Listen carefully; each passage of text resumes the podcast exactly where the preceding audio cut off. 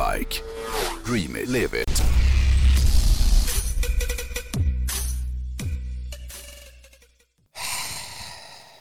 Där kom sucken. Ja. Gruskurssucken. Jag har ju, för de som har missat det, varit i Tived i Västergötland och kört grus. Lite sådär, inga offroad har jag kört. Bra, bra dialekt. Ja, det vet jag inte.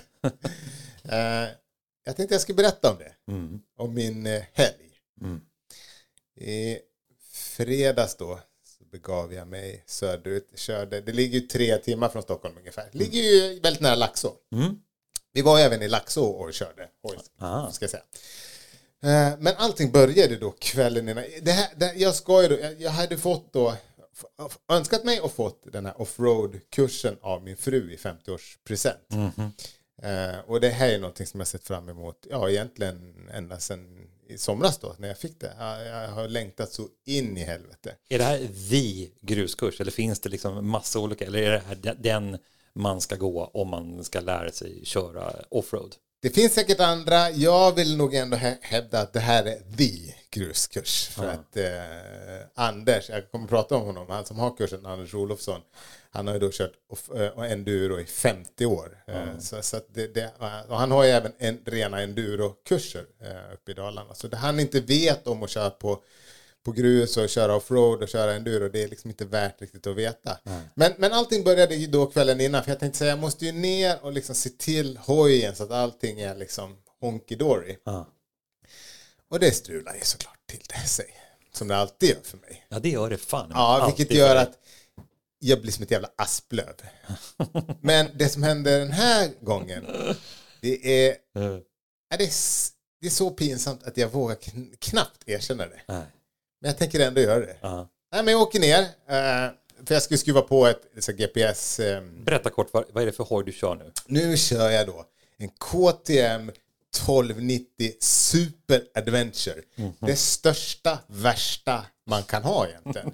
Vi snackar i sportmode 160 hästar. Eh, Perfekt att, att öva på små grusvägar med. 250 kilo. Perfekt när man har haft körkort i tre år och är en klåpare som jag. Att då ta det absolut största och värsta som finns. Eh, Men så var det i alla fall. Det är som att öva fickparkering med en Peterbilt. Ja, precis. Grejen är den att jag åkte upp till, jag snackade med Tom på Northbike, för det är en- lånehoj från Northbike. Och så bara, jag hade berättat om den här gruskursen. Han bara, "Ah, fan vad kul att du ska ner i grus. Ja, det är klart att du ska komma upp och låna en hoj. Mm, För jag hade ju då Ducatin innan och den gjorde sig, lämpade sig inte så jättebra för det jag skulle göra. Nej. Och jag bara, men har ni någon 690? För det vore ju så jävla gött, en liten stor enduro liksom. Han bara, ja, ja, det, det, det har vi. Så jag blåste upp, och, och Tom var inte där då. Jag tror han var på något möte någonstans. Eh, Men jag, hade, jag vet inte om han hade glömt eller om han inte hade koll. Men då hade, för de hade mycket riktigt en 690. Men det var ju en, en motard med slicks. Så det var ju ingenting som jag kunde känna. Men så pratade jag med, alltså vi höll på att bolla fram och tillbaka. Och då stod det ju så här, det jag kunde låna då var, var antingen den här, värstingen, eller då den här BMW 310 GE som är pytte, pytte, pytte, pytte, pytte. Det är liksom andra sidan av eh, spektrat. Det är det minsta man kan ha. Eh, Så att jag eh, valde den här eh, raketen. Då. Hur som helst. Nej, men jag kommer ner och så bara tänkte jag, ja, jag bara slå igång den så att allting funkar. Nej, jag startar inte. Alltså, displayen tänds och sen jag trycker på start så bara, boom, så dör den. Ja. Jag bara, vad fan, jag håller på att testa och testa. Jag bara, ja, men kan det vara laddningen? Så, så jag ringer upp till Northback. Han bara, ja, men det låter fan som att du kanske har lite, lite ström då. Så här. Jag tror jag vet vad du gjorde för fel. Ja, så bara satte jag i, bara satte den och laddade. Så satt jag där i garaget och, och jobbade. Och så bara, ja men nu hade så kröp den upp, satt några timmar liksom. Nej, hände samma sak igen. Nej. Jag bara, fan. Den bara, jam, jam, jam, jam, jam. Nej, nej, nej. Start, inte ens starten gick, gick igång. Utan det bara, det bara, boom, det bara liksom dog. När jag tryckte på, på startknappen så dog det bara. Ja, jag pratade med dem igen och bara, har du någon, någon hjälpstart då? Jag bara, ja. Men den hade jag hemma, du vet. Så fick jag åka hem och hämta den. Det där det är ett nötskal. Det här är så jävla jag i nötskal. Alltså, det- nu måste det funka. Ja. Jag kopplar i den där. Nej, det funkar inte. Prova igen. Och så bara, nu funkar det helt plötsligt. Jag bara, fy fan vad skönt. Prova igen, funkar inte. Men så bara, nej men vänta nu. För att det är ju keyless. Den, den är ju keyless, alltså den har ingen, ingen eh, nyckel då. Eh, utan nyckeln har, har man bara i fickan och så trycker man på tändningen och så trycker man på start. Liksom. Det är en knapp för tändningen och en knapp för start. Men jag, mitt sär, tryckte liksom i fel ordning. Så jag tryckte på starten i tron om att det var tändningen. Och så tryckte jag på den knappen som har nyckel på sig i tron om att det var starten. Men det var precis tvärtom. Nyckeln var tändningen. Så varenda gång jag tryckte på nyckeln, då stängde jag av. Alltså det är så pinsamt så att det, det finns ju inte.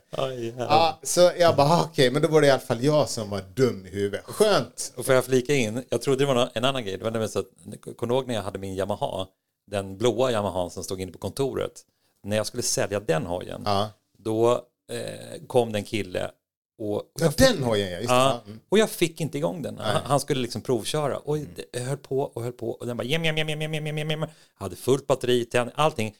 Fick inte igång den.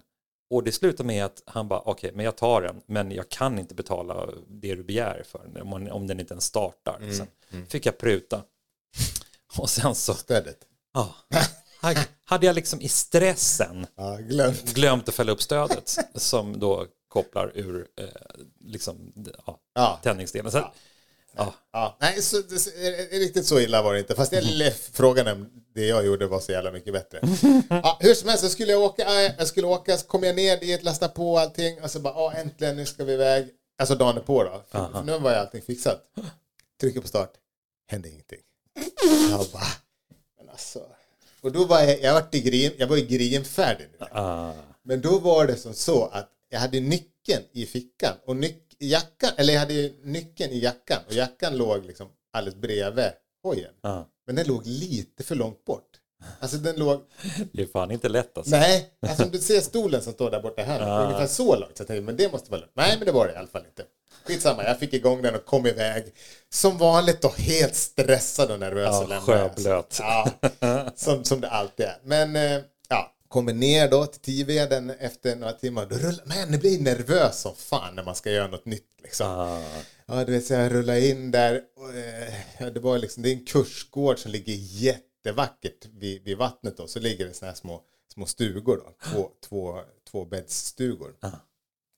Ja, kommer dit, så går runt lite. Så, du vet, man är så här, när man ska göra något nytt, det är lite läskigt. Liksom. ja, ja. Men det är en härlig känsla också. Jag, jag har lite, lite, känner av lite magknip för att jag kan ja, leva mig in i den här Ja, känslan. och sen också när man ska gå en kurs på något som man, så här, man, är dålig på, liksom, tänker man.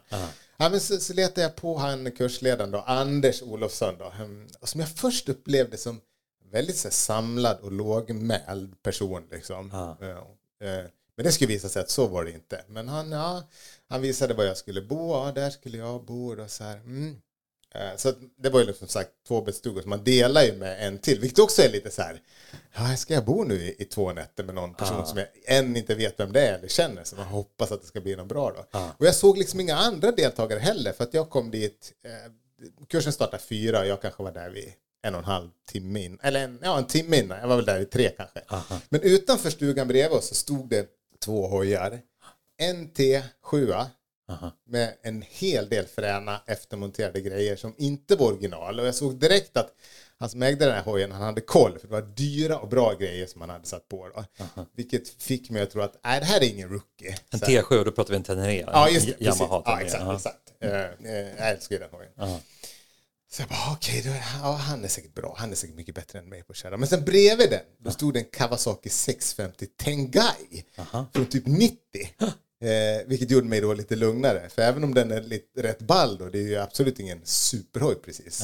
Det är ju en liten 40 hästars... Eh, Men den har en gammal Dakar-estetik. Jo, men den, den är så liten. Den är ju liksom, om man jämför med mina 160 hästar och 250 kilo så är, var ju det där ingenting. Men eh, ja, jag tänkte att ah, mm, den är jävligt härlig hoj. Eh, Ja, nej men så gick jag där och väntade så här och Anders bara, men vet du vad, du kan börja med att tömma ut luften då i däcken. För vi ska ut och köra grus idag. Jag bara, men för så stod det inte i programmet. Tanken var att vi bara skulle ställa in hojen, Direkt känner du att Ja, jag bara, vad ska vi ut och köra idag? För det första har jag kört 30 mil, helt slut, men det ska vi tydligen liksom. Så, så jag fick en liten sån här lufttrycksmätare, så tömde jag ut då. Eh, och medan jag höll på med det, då hör jag att det rullar in ytterligare en hoj då. Och Och då är den 2021 tror jag, Africa Twin. Ja, och, ja, det kändes också lite skönt att det kom ytterligare en riktigt stor hoj. För även om min fortfarande har liksom mycket större kubik och hästkrafter så, så, så är Hondan är ungefär lika stor och tung som min. Så jag tänkte, ja men det är bra att det liksom, ja men då vet jag att jag är i alla fall inte helt ute och cyklar. Ja, det går liksom det, att ha den här typen av, det visste jag ju men man blir alltid lite nervös. Folk kommer inte skratta åt Nej, men folk kommer inte säga vilken jävla idiot. Liksom. Eh, och, och då var det då den här Africa Twin-mannen som jag skulle bo ihop med. För att i takt med att de kom så sa Anders, ja men då får ni två bo ihop då. Så ni blev African twins. Det var snabbt av dig Kring. Ja, det var African Twins. Precis då. Ja, men man försöker ju läsa av, liksom, så här, undrar vad det här kan vara för snubbe. Så man kollar in vad han har för ställ och dojor och utrustning och så här. Och försöker få någon bild av vem den här personen är. Och han, han pratar väldigt bred norrländska och heter Rickard. Och det känns ju också tryggt. Ja, sätt. det, då kan man lita på. Ja, och det visade sig att han, han hade kört från Skåne, där han bodde, hela vägen upp. Då. Oj, jävlar. Ja, så att eh, han var också långväga. Men sen så började det rulla in folk. Eh, Hur många var det totalt då? Vi var nio stycken i kursen. Oh, wow. Ja, men då hade jag ändå så ja, när Rickard kom med sin afrikatin så kände jag så ja men det här blir bra. Men sen började folk komma. Ja. Och det var då jag kände att, vad fan. För först kommer det en skåpbil med en snubbe. Och han lastar ut, nu får du googla, jag vet inte om du riktigt vet vad det här är för hoj. Han lastar ut en liksom AJP. Närmare bestämt en PR7 650 Adventure AJP. Och det är ju så nära en Dakar-hoj man kan komma. Åtminstone rent utseendemässigt. Det är ju en rallyhoj. Liksom. Ja, skitball. Ja, den är helt otrolig. Och inte, inte nog med att jag kände att nu har jag liksom kommit till balen i gummistövlar med min lånade 1290. Jag fick ju dessutom ett fruktansvärt HBR. jag, jag ville så gärna ha den. Liksom. Eh, Jag hade aldrig sett en, en PR7 i, i live. Den är otroligt frän. Jätte, jättefrän. Ja, sen kommer nästa då. Husqvarna 701 med rallytorn och hela skiten. Liksom. Också typ en Dakar-liknande hoj. Ja. Jag bara, men vad fan. Liksom. Lätt. De väger hälften så mycket som min, som, som min hoj. Liksom. Vilket också, och, och hojarna skvallrar ju också om att det här är, det här är gubbar som kan köra. Liksom. Annars går man inte och köper, lägger pengarna på det. Fan, vad, komma till en kurs, det, vilket, vilket jävla kukmäteri när alla ska rulla ut sina hojar. Ja, För jo, det är ju men- liksom ja. där, this is the tool I'm using. Ja, men precis. Jag kunde ju då eh, luta mig mot min jättekuk. Ja. Eh, Å, å ena Som sidan. tynger ner dig. Ja, obalans. Ja, precis. Men den var ju så här, den var ju så stor så att den blev ingen, för alla förstod att den här kommer man ju Ja, aldrig få blod John, in. John Ja, Holmes. ja, bara vinballar hela tiden. Det går inte att få blod in där för då svimmar man liksom. Så stor var den. Ah, ja, efter den här jävla 701 då kommer det liksom två snubbar och last, de kommer i en crossbuss. Liksom. Ja. Lastar ut en 890 Adventure R med massa fräna klistermärken. Du vet, det var en sån som jag hade i Norge. Fy fan vad jag hade velat vara en fluga på väggen. Ja, men han hade ju också då riktigt grova offroad-däck på sin, på sin 890. Och så kom det ytterligare någon T7 med massa grejer på.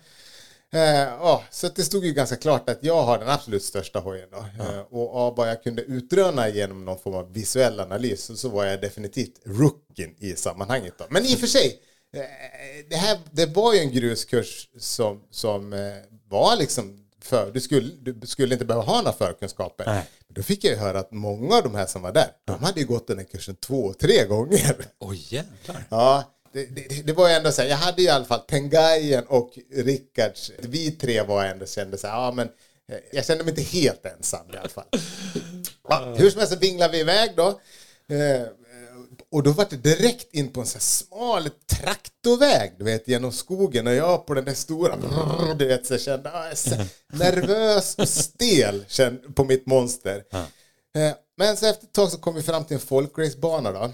Eh, Och, och där skulle vi göra olika övningar eh, och, och ligga och köra varv då. Och Anders, han hade, alltså ledaren, han, han är så lugn och pedagogisk. Han hade ett sätt att förklara på som, som gjorde att de här, på de här två timmarna som vi var där så kändes det som att jag, jag lärde mig så otroligt mycket. Jag fick liksom aha-upplevelser om hur jag behövde tänka och planera och placera mig på hojen för att köra på bana och för att få in den här rätta känslan då.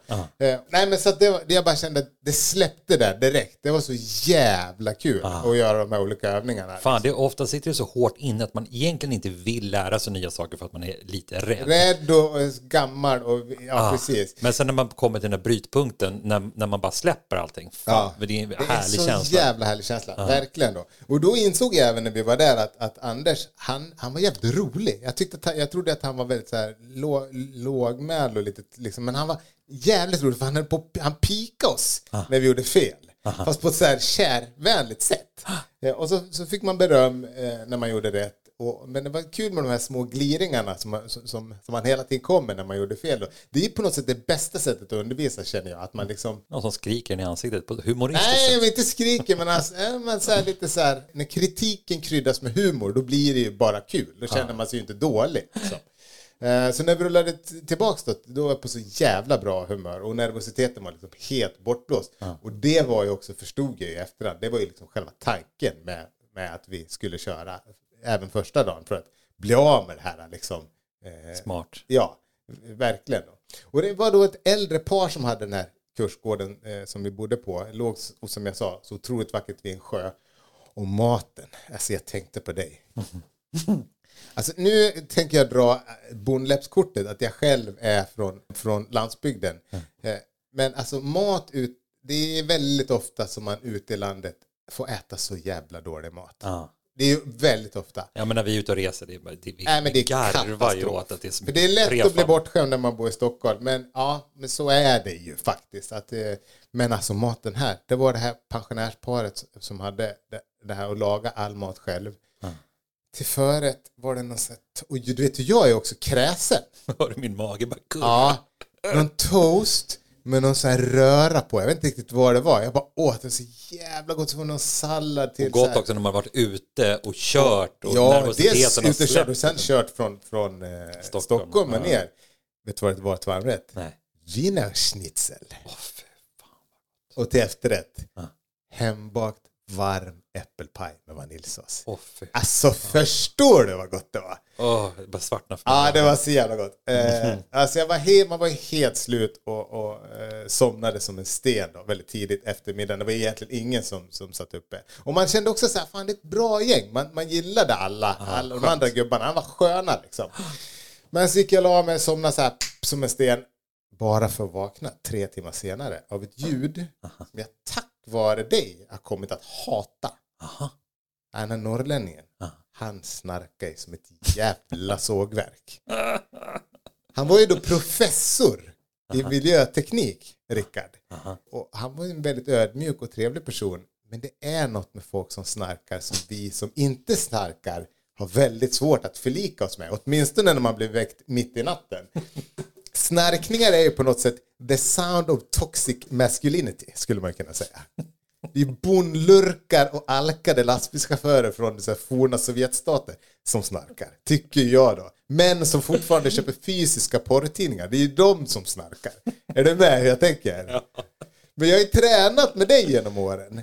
För vi har ju delat hotellrum så många gånger. Ja. Och tricket som jag har kommit fram till, det är ju att inte bli arg. För då blir man ju klarvaken. Och på det blir jag ju inte arg, utan man får tänka att ja, det är bara ett ljud. Du kan ju sova ombord på ett flygplan. Det är fan så mycket högre än lite snark. Ja. Eh, och som sagt, det är ju inte hans fel att han snarkar, men eh, i och med att jag visste att jag hade en lång dag framför mig så tog det inte lång stund förrän jag började bli stressad över att jag inte kunde somna. Och då kände jag hur liksom hatet Gökboet, du tog kudden. Ja, men alltså det började bubbla upp i mig och till slut var jag så förbannad när jag låg i sängen. Jag kände att jag ville typ klättra upp på bröstkorgen på honom. ta en isborr och borra ur hela näsan och typ vända mig och skita ner i borrhålet och skrika snarka nu då professor jävel typ. Alltså jag var ju, jag var ju så förbannad att jag ville inte göra det men jag låg där och fantiserade i mörkret. Liksom. Fullständigt överdrivet såklart men det, ja, det var inte hans fel. Eh, men, men dag två då kom man upp. När, ja, men då var det ändå så ah shit, nu är det liksom det, riktiga dagen. Liksom. Går man in till frukosten, frukost, ja, där vi hade ät, ätit middag kvällen innan då. Då liksom full volym på stereon så bara kör de det här. God morgon, är du riktigt vaken än? Och den kör de varje morgon när man kom in. Så det var så skön, kul, liksom, skön stämning, kul. Och då så går jag fram och ska kolla in frukost, eller frukostbuffén. Eh. Ah. Äh, du vet, sju sorters bröd, varav liksom tre var väl hembakta. Tomtegröt. Jävlar. Alltså lik massa pålägg, stekt ägg, köttbullar, hemmagjord jordgubbskräm. Alltså det fanns allt.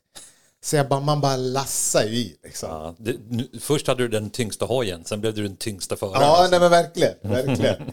Eh, ja, men eh, det vi skulle göra dag två då, det var att vi direkt begav oss iväg till ett grustag och körde. Och Anders hade gjort en, en bana eh, som vi skulle köra på och göra lite olika övningar på och köra långsamt. Det gjorde vi först, tränade på att liksom ha rätt blick i kurvorna och, och, och det var ganska likt de här övningarna som man gör på teknikbanan vid uppkörningen, men på grus då, vilket ju var väldigt mycket svårare. Sen efter det då skulle vi köra fort och träna på bromsa på grus, sladda på grus, eh, träna lite starter och, och det här att gasa, att gasa, gasa fram mot kurvan, bromsa tvärt och sen med hjälp av gasen då rätta ut bakänden lite grann. Genom sladd, liksom gasa runt bakänden. Vilket ju är både fränt och lite läskigt. Men Aha. funkar det? Mycket fränt. Ja, mycket, mycket fränt. Och, och eh, var ganska lätt att få, få eh, alltså, vi var ju ganska försiktiga allihopa när vi gasade runt. Några var ju svinduktiga och bara ba, ba, ba, runt sådär. Men, men eh, man kände ändå att ja, men det här ska nog fan ändå kunna funka.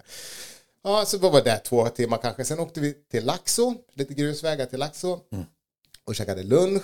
Eh, och sen då efter lunch, då På bowlingen eller? Uh, nej men den som ligger där uh, vid, precis vid vägen, du vet. Det finns Burger King och, och kebab och allt möjligt. Där de har en, en Cadillac. eh, Som Daniel har restaurerat. ja just det, precis där.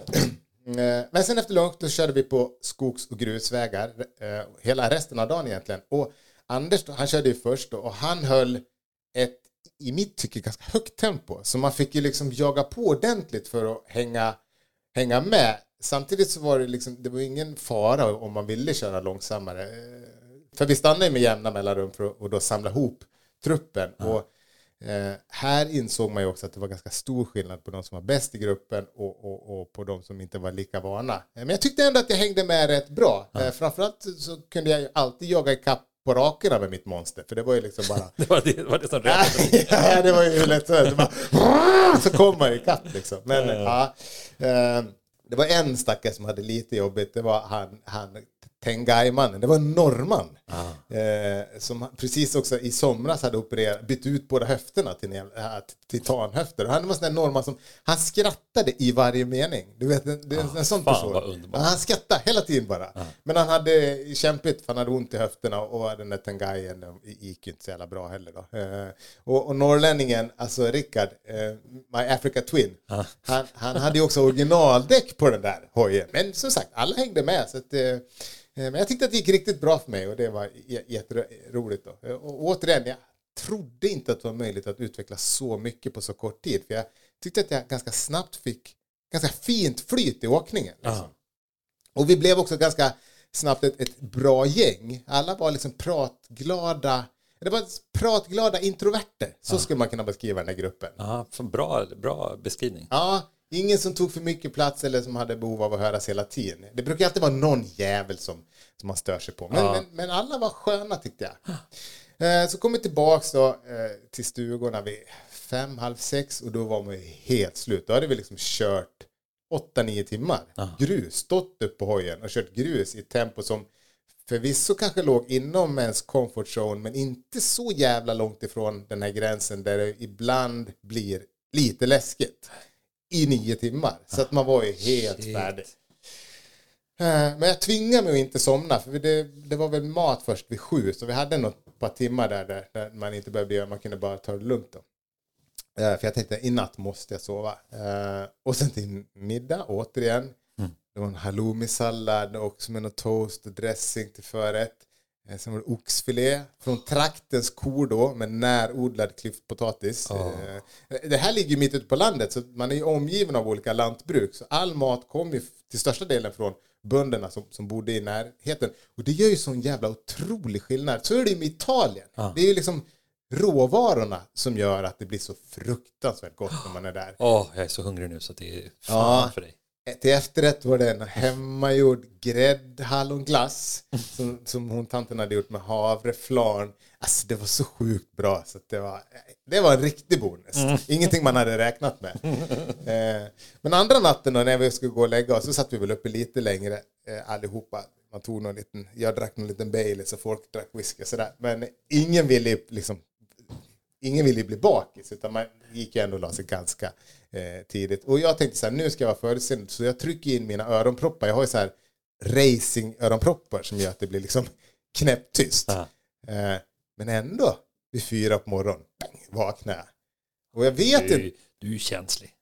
Jag tror kanske inte att det var snarkningarna den här gången. Men eh, jag vaknade tidigt i alla fall. Men, så det enda dåliga egentligen med, med helgen, det var sömnen. Men jag kände inte av det så mycket på dagen. Men vet du, det du beskriver, det är ju samma typ av sömnproblem som du har även i stan. Du kan ju komma till jobbet, ja, jag, Ja, nej, men jag ja, det har du fan rätt i natt, jag Ja. kunde inte somna om. Nej, det är fan sant. Men det, när det är mycket, och också när man vaknar där, och man direkt, om man vaknar vid fyra, det kan man ska upp och gubbpissa. Då går det liksom inte att somna om för att man säger åh, idag ska vi köra. Eh, men hur som helst då, på söndagen eh, kände jag mig inte alls i form när vi gav, gav oss iväg. Det hade gått bra dagen innan. Liksom. Ah. Men nu jag bara kände mig nervös. Jag kände att jag liksom åkte och spände mig. Och, och det första som hände när vi kom till, till vi kör en skogsstig stig fram, fram till en skitbrant backe som, som gick upp för så här sandigt stenig skogsslänt. Eller, det var skitbrant. Eller skitbrant med mitt, med mitt nybörjarperspektiv. Men den var jävligt brant och så här sandig och stenig liksom. Men här sa Anders att det var frivilligt att prova om man ville köra upp för den här backen. Det var ju lite så här... Ja, man vill inte rulla ner hojen. Nej, speciellt inte med en lånehoj. Så jag, jag avstod faktiskt. Eh, det är ju inte min hoj. Och det, det vore bara korkat att försöka baxa upp 250 kilo liksom för en sandig stenig brant den första man gör. När man dessutom känner att det här är ingen bra dag.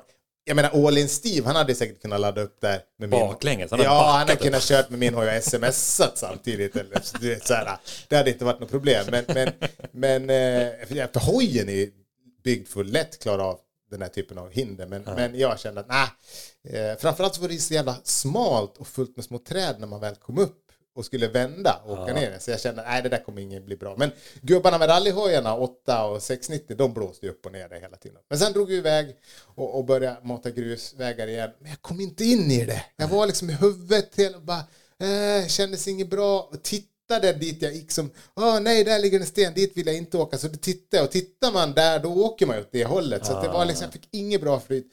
Men sen efter lunch så släppte det och då släppte det ordentligt igen och det var så jävla skönt att få känna att liksom, man kom in i en brant kurva och så liksom gasar man på så släpper det bak liksom. Och, Fan vad intressant att du, det, det du beskriver, det är lite som en idrottsman.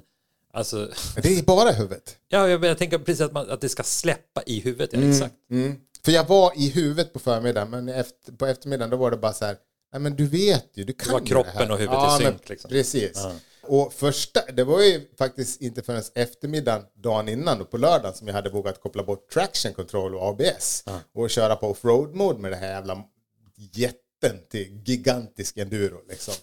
Men, eh, nej, men det funkar bra, liksom, man kunde sladda runt och det var liksom eh, skönt att få avsluta med liksom en bra känsla i kroppen. Eh, För på förmiddagen dagen innan, för, på förmiddagen så hade det som sagt inte känts speciellt bra. Då. Men, men eh, ja, det blev jätte, jättekul. Och jag fick faktiskt en hel del beröm från de andra som tyckte att det var ändå var lite imponerande att jag kunde kasta runt den här jävla stora hojen på de här grusvägarna. Så det, det kändes också bra. Sen, sen körde jag hem då och det var sån jävla skillnad i hur jag upplevde hojen då. Även alltså bara på motorvägen. Jag tyckte inte alls den var stor längre. Utan så här, äh, den här är lätt och smidig. Och då provade jag även sport mode. Sport mode. Sport, sport mode menar jag. Sport Mode. Sport, sport mode, sport mode. Jag kan inte ens säga det. Alltså fy fan vad den där jävla hojen går. Ah. Bara vrider på 200 direkt. Boah, upp liksom. Ja, jätte, jättefränt. Det är om det. Fan vad kul att Ja. du gick den här kursen. Ja, det var jätte, jätteroligt. Och jag ska gå den eh, i vår igen tänkte jag. Ah, då ska du åka upp för djävulsbacken. Ja, men då ska jag ha något lite mindre. Mm, en liten trike. Precis.